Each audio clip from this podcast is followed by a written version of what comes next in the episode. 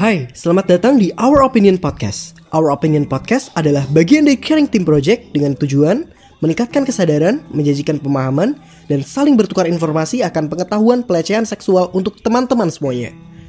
Dengan menghadirkan narasumber yang seru dan asik banget. Enjoy listening. Oke, selamat pagi, selamat siang, selamat sore, selamat malam, kapan pun kalian dengerin ini. Selamat datang kembali di Our Opinion episode kedua. Gimana kabarnya semuanya? Uh, mudah-mudahan baik ya. Jangan lupa buat teman-teman semua, sobat care, buat jaga protokol kesehatan di mana pun kalian berada. Kenalin, aku Dikta. Aku hari ini yang bakal nemenin kalian semua buat ngobrol bareng nih sama guest star kita. Teman-teman udah tahu belum sih tema kita hari ini? Belum ya? Dan tema kita hari ini adalah pelecehan seksual berbasis online. Teman-teman mungkin udah sering denger entah di itu di Twitter, WhatsApp, Instagram dan lain-lain. Dan seperti biasanya ada guest di podcast ini dan kita perkenalkan guest kita Mbak Atika. Well, Mbak Atika ini merupakan uh, mahasiswa berprestasi di Universitas Jember pada tahun 2019 dan Mbak Atika punya sederet prestasi yang keren-keren banget. Salah satunya adalah uh, juara satu di debat kompet uh, kompetisi debat di STI Mandala dan juga menjadi juara kedua di kompetisi debat di Universitas Jember dan sebenarnya masih banyak lagi tapi kayaknya bakal lama kalau aku sebutin semuanya. Well, langsung aja kita sapa Mbak Atikanya. Halo Mbak Atika. Halo, Halo Dita, suaraku kedengeran ya? Eh, kedengeran jelas banget. Makasih nih Mbak Atika udah okay. mau nyempetin waktunya buat siap, ngobrol bareng kita-kita nih. Oke, okay, terima kasih juga buat teman-teman udah ngundang aku buat gabung di podcast kali ini ya sebelumnya. Iya. Oke Mbak Atika, sibuk apa sih hari ini? Eh enggak hari ini. Maksudnya akhir-akhir ini sibuk apa sih Mbak Atika kalau boleh tahu? Oke, kalau kesibukanku saat ini ya, alhamdulillah kan sejak Maret kemarin memang uh, aku kan udah dinyatakan lulus, jadi segala administrasi perkuliahan juga udah selesai gitu. Tinggal tanggal wisudanya aja nih. Terus selebihnya juga aku aktif di generasi baru Indonesia dan ya ada beberapa project-projectan gitu yang kudu aku selesaiin dan juga doain ya Dikta ya semoga bisa segera lanjut S2 nih. Oke, siap. Keren banget gitu. sih. Keren banget Mbak Atika. Well, uh, langsung aja ke topiknya nih uh, Mbak Atika pernah denger nggak sih tentang okay, pelecehan seksual berbasis online gitu? Dan seperti apa yang Mbak Atika hmm. dengar? Terus juga hmm. uh, Mbak Atika pernah mengalaminya atau pernah menemuinya secara langsung nggak sih gitu? Boleh dijawab Mbak Atika. Oke. Okay. Oke, jadi ini pertanyaannya beruntut ini ya. Jadi aku sebenarnya excited juga ya untuk tema podcast kita kali ini pelecehan seksual berbasis online. Dan mungkin kalau uh, sering denger pasti kita udah nggak asing gitu ya Dikta ya sama pelecehan seksual betul, online betul. nih karena tentunya dengan adanya ranah virtual ya di mana rasanya segala sekat itu bisa dihilangkan ya di situlah berbagai potensi ancaman dan juga peluang bisa muncul dan salah satunya uh, pelecehan seksual itu sendiri yang biasanya nih uh, ya kita mungkin mungkin bisa hanya menemukan ketika kita berinteraksi sama orang lain. Tapi udah seiring berjalannya waktu teknologi kayak gini sosmed yang gencar-gencarnya banget rasanya itu akhirnya ya bisa aja terjadi dan itu sudah banyak terjadi.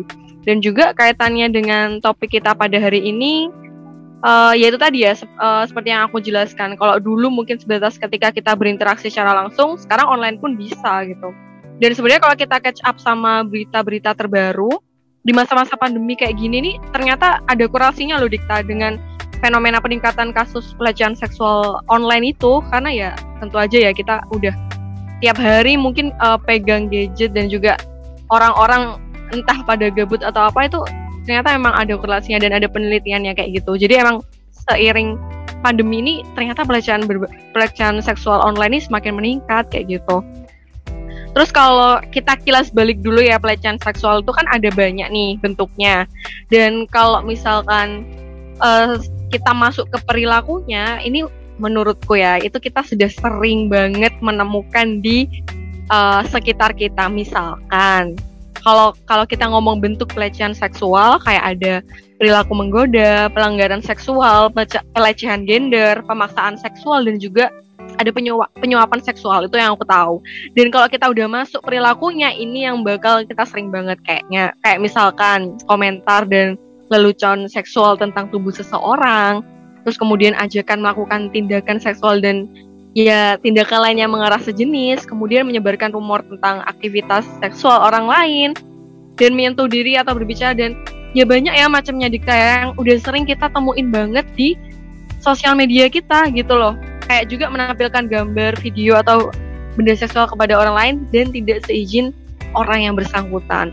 Kayak gitu sebenarnya udah sering banget kan dikta. Mungkin kalau kita akhir-akhir ini pun sadar nggak sih kalau banyak uh, kasus pelecehan seksual online yang akhirnya uh, apa ya pelaku eh bukan pelakunya korbannya akhirnya speak up gitu dan kalau yang mungkin yang lagi rame sekarang sih kamu tahu nggak sih tentang uh, kasus uh, seorang salah satu dokter yang juga akhirnya menuai kontroversi melalui konten TikToknya tentang yang persalinan wanita. Dan itu menurutku adalah salah satu bentuk pelecehan seksual online. Dan itu kayak akhirnya uh, banyak juga orang-orang yang semakin aware gitu ya terhadap pelecehan seksual online ini. Dan sering banget sih Dikta apa ya kita menemukan contohnya. Tapi kalau aku sendiri sih alhamdulillah sampai sekarang juga belum pernah dan jangan sampai amit-amit mendapatkan hal-hal seperti itu. Kayak gitu sih Dikta oke. Ini menurut aku sih ini juga dampak dari teknologi itu sendiri ya. Karena teknologi hmm, kan betul betul.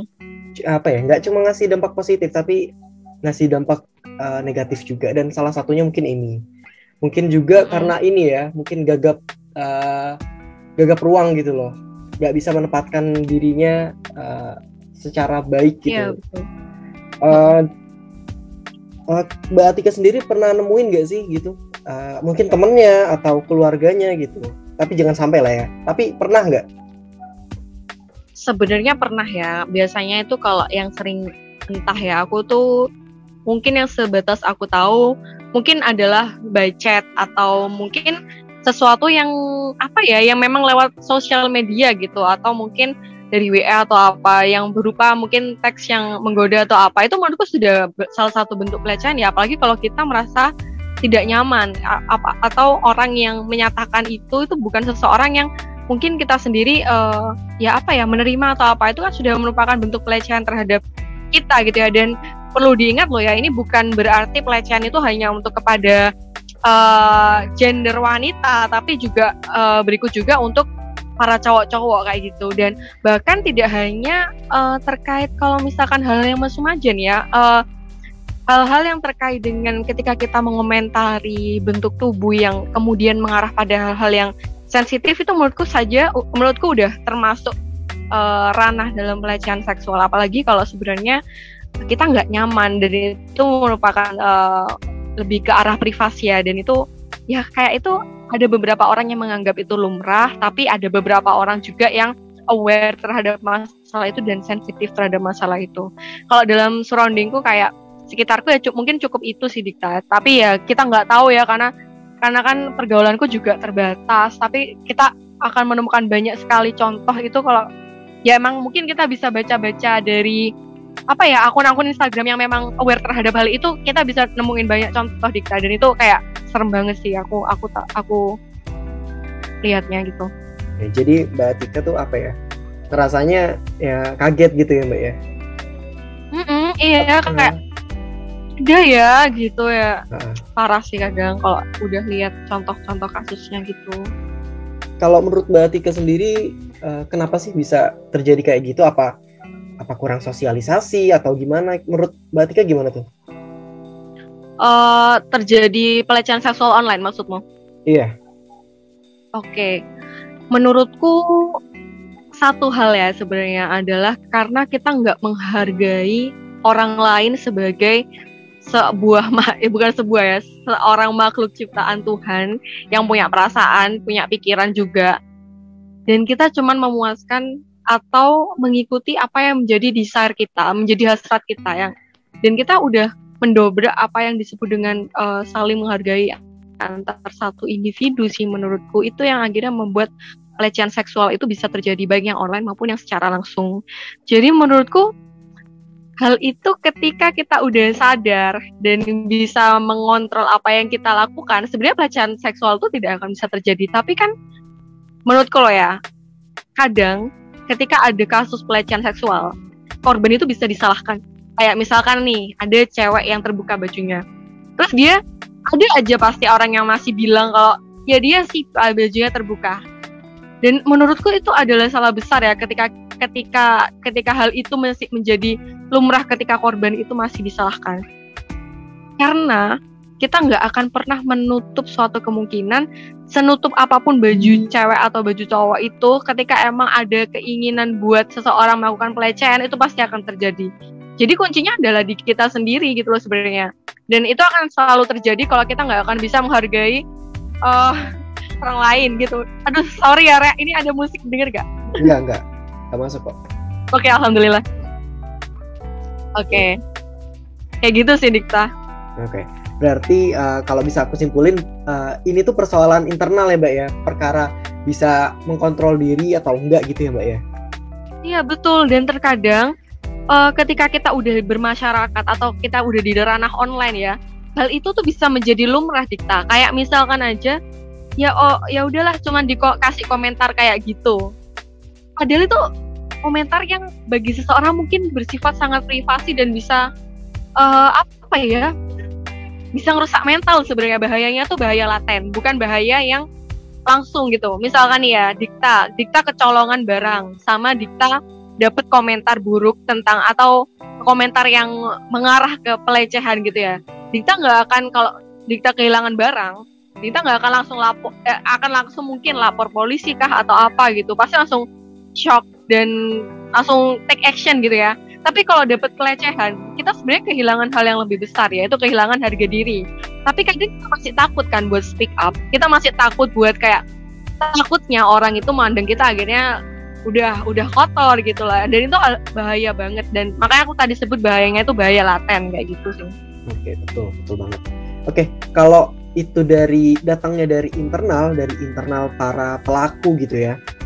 Terus uh, cara kita buat mengantisipasi nih gimana biar terhindar dari pelecehan seksual berbasis online ini khususnya gitu.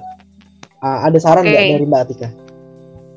Satu hal ya yang mungkin aku sedikit juga sedih kita nggak akan pernah bisa terhindar dari pelecehan seksual karena kejahatan itu nggak akan nggak akan pilih-pilih kapan saatnya, kapan waktu yang kapan dan maupun tempat dia akan datang gitu. Dan satu hal yang harus ditanamkan adalah kita kudu kuat mental dan berani buat speak up.